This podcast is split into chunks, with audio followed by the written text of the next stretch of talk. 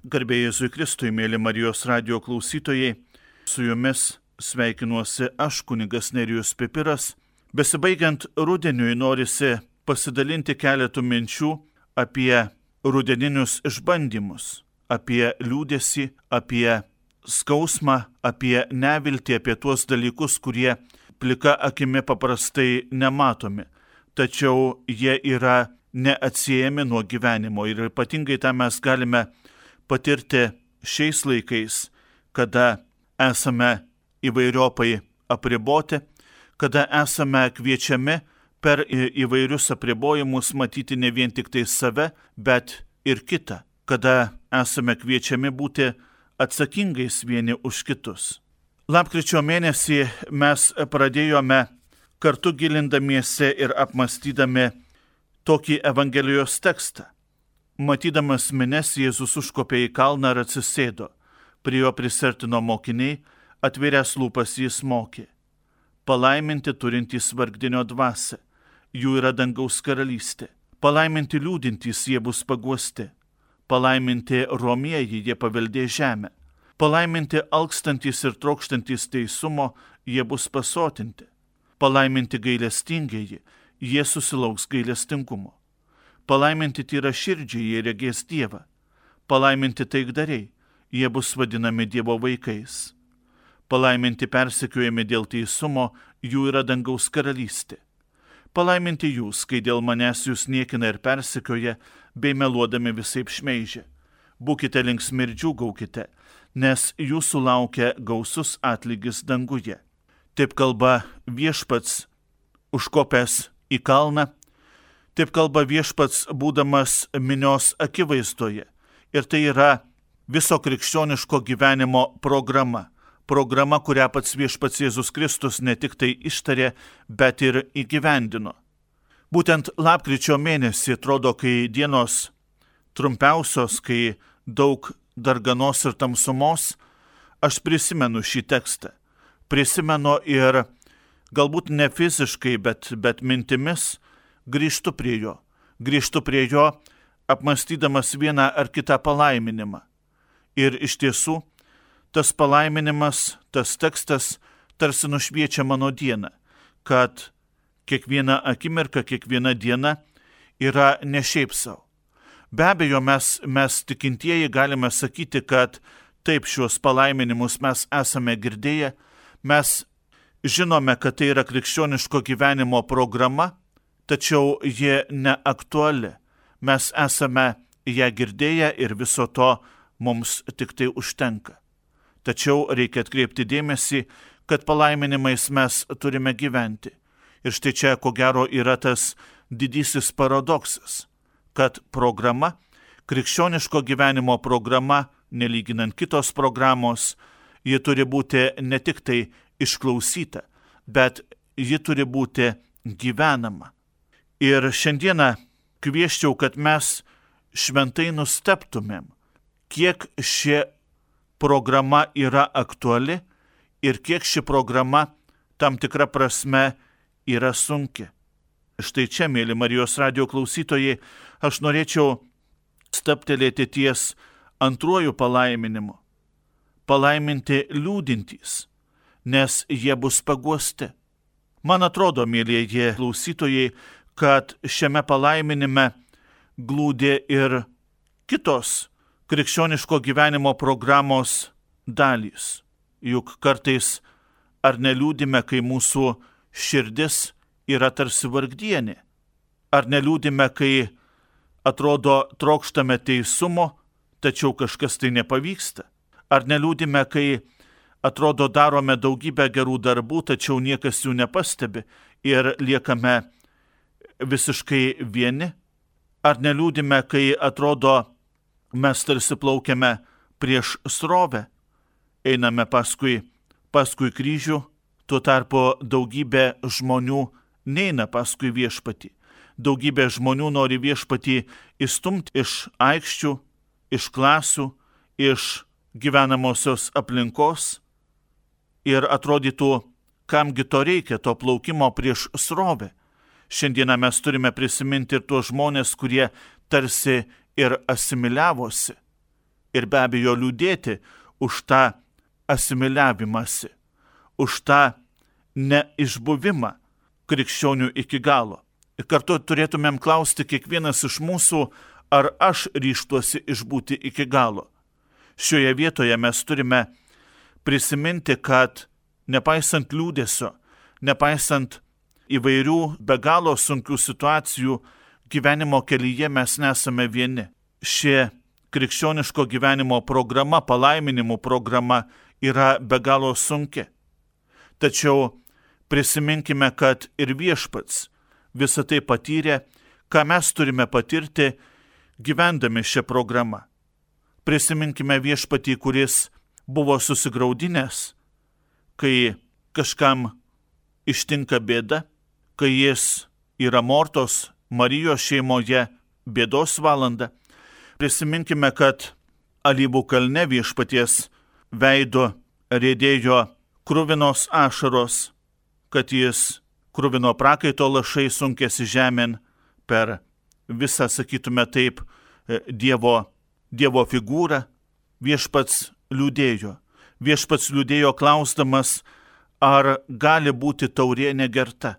Ir kartu viešpats savo kulminaciją, išbandymų kulminaciją, žmogiškąją išbandymo kulminaciją patiria kryžiaus valandą, kada reikia viską vykdyti iki galo, kada lūpos ištaria žodį trokštų, trokštų, kad kryžius suvienytų, trokštų, kad kryžius sujungtų, trokštų, kad žmogus į kryžiaus žievę galėtų įdėti visą savo gyvenimą. Viešpats kartu su savimi iki pat liūdėsio gelmės veda ir kiekvieną iš mūsų. Veda, kad galėtumėm atsispirti, kad galėtumėm eiti pirmin, kad tas liūdėsys, tie išbandymai, tie sunkumai būtų tik tai nekas kita kaip atsvara. Labai gražiai apie šį palaiminimą yra kalbėjęs popiežius Pranciškus savo dokumente Gaudėte et exultate. Jis taip rašo. Pasaulis mums siūlo priešingą - pasilinksminimą, malonumą, pramogą, atsipalaidavimą ir sako, jog būtent tai padaro gyvenimo gerą. Kai šeimoje ar aplinkoje ištinka lyga ar sielvartas, į pasaulį orientuotas žmogus tai ignoruoja, nusuka akis. Pasaulis nenori liūdėti. Jis linkęs skausmingas situacijas ignoruoti, pridengti, paslėpti dedama daug pastangų norint išvengti kančios situacijų ir tikint, jog tikrovę, kurioje niekada nestinga kryžiaus, galima kaip nors užmaskuoti. Žmogus, regintis dalykus tokius, kokie jie yra, leidžiantis save perskrosti skausmui bei verkianti širdyje, gali pasiekti gyvenimo gelmę ir būti tikrai laimingas. Toks žmogus paguodžiamas, bet paguodžiamas Jėzaus, o ne pasaulio paguoda. Tada jis gali išdrysti dalytis kitų kančią ir nustoja bėgti nuo skausmingų situacijų. Šitaip jis atranda, jog gyvenimas prasmingas tada, kai padedama kenčiančiam, kai suprantamas kitos sielvartas, kai kitiems palengvinama. Toks žmogus jaučia, kad kitas yra jo kūno kūnas nebijo prisertinti prie kito ir net palitėti jo žaizdų. Atjaučia taip, kad išnyksta bet koks atstumas. Šitaip galima atsiliepti iš Šventojo Pauliaus paraginimą - verkite su verkiančiaisiais. Taigi mokėti verkti. Tai šventumas, rašo popiežius Pranciškus. Ir šiandieną galbūt kiltų toks rudeniškas klausimas - ar aš moku verkti? Dėl ko verkiu, kur link mano sudėtos visos idėjos ir troškimai. Ar aš verkiu vien dėl to, kad galbūt kai ką reikia apvaldyti dėl kito, kad šiandienis pasaulis mums dovanoja tokią situaciją, tokią kasdienybę, kai reikia save apvaldyti, kad kitas būtų liksveikas, kad kitas neprarastų žmogiškojo orumo, kad kitas būtų vadinamas žmogumi, bet ne atlieka. O galbūt aš verkiu, kad kažkas netkreipė dėmesio į mane, kad aš neturiu tokios materialinės gerovės, kurią galėčiau puikuotis. Galbūt aš verkiu dėl savo kūno formų ir taip toliau, pamiršęs, kad šalia yra žmonės. Kad šalia žmonės, už kuriuos aš galėčiau būti atsakingas ir juos išauginti. Iš tiesų, ašara, krintanti į mūsų žemę, yra tuomet tik tai tikra ašara, kai ji gali kai ką išauginti, kai ji tarsi palaisto dirba, kai ji iš tiesų suteikia ir paguodos, ir užtraukia žaizdą. Dėl ko ir kokios byra mano ašaros skruostais. Galbūt aš prisimenu tik tai save, galbūt apverkiu tik tai save, negalvodamas apie savo amžinai likimą. Iš tiesų, norisi kreiptis į kiekvieną iš mūsų ir prašyti, kad mes net ir verkti mokintumėmės. Verkti ne dėl to, kad kažko tai žemėje neturim, ne, ne vien dėl to, kad kažkas paprašė, jog mes būtumėm truputėlį atsakingesni vienas už kitą ir už gamtą, kurioje gyvename ir kurią naudojamės, bet kad taip pat verktumėm ir dėl savo amžinojo likimo. Ką aš padariau, kad žemėje iš tiesų išliktų mano pėtsakas, kad žmogus mane prisimintų buvus žmogumi. Be abejo, yra daugybė situacijų, kurias vienai par kitaip mes išgyvename ir tai be abejo yra ir problemiškos situacijos, kada ašaras atrodo įspaudžia aplinkybės. Ką reikėtų daryti ir kaip tinkamai orientuoti mūsų liūdėsi.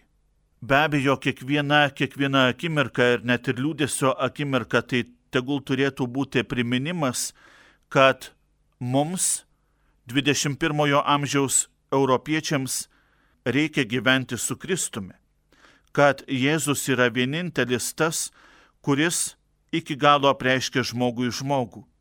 Jis vienintelis geba atverti atrodytų septyniais anspaudais užanspauduotą prieškimo knygą kuri, kaip pabrėžia Romano Gvardinė, yra egzistencijos slėpinys su savo skausmo bei kančios nuotaikomis. Krikščioniškas tikėjimas iš akių juk neišleidžia žmogiškosios pusės ir todėl šiandieną mes savo problemas turėtumėm spręsti pirmiausia bendraujant, kalbantis, juk kalbėtis mums yra sudarytos visos galimybės. Be abejo, tam turi padėti ir malda, susitikimas su Jėzumi Euharistijoje, išpažinties sakramentas. Šis atleidimo sakramentas ypač svarbus visiems, nes atleidimas ir išgyvenimas, kai tau atleista, yra kertinis brandumo ir todėl emocinės pusiausvyros akmuo. Todėl pasak Šventojo Tomo Akviniečio, gebėjimas melstis tėvę mūsų malda nuoširdžiai persijimus visomis tos maldos ištaromis, taip pat ir ištara apie atleidimą yra svarbiausias mūsų dvasinio stabilumo veiksnys. Taigi, iš tiesų, brangus broliai ir seserys, mėly Marijos radio klausytojai, mes išgyvensime liūdėsi kitaip, e, jeigu tą liūdėsi atiduosime viešpačiu Jėzui Kristui jeigu leisimės, kad Jėzus Kristus nusileistų į mūsų liūdėsio gelmes ir tik tai tam, kad kiekvienam iš mūsų dovanotų prisikelimą. Prisikelimą ne kaip teoriją, bet prisikelimą kaip tikrovę. Todėl iš tiesų tie palaiminimai, kuriais pradėjome lapkričio mėnesį, yra mūsų gyvenimo programa, kuri nors ir sunki, tačiau vis dėlto įgyvendinama. Įgyvendinama, nes griebėmės už Kristaus apsausto ir leidžiamės, kad Kristus mus vestų iki pat mūsų patirties gelmių, tam, kad mūsų patirtis taptų prisikelimo slengščiu.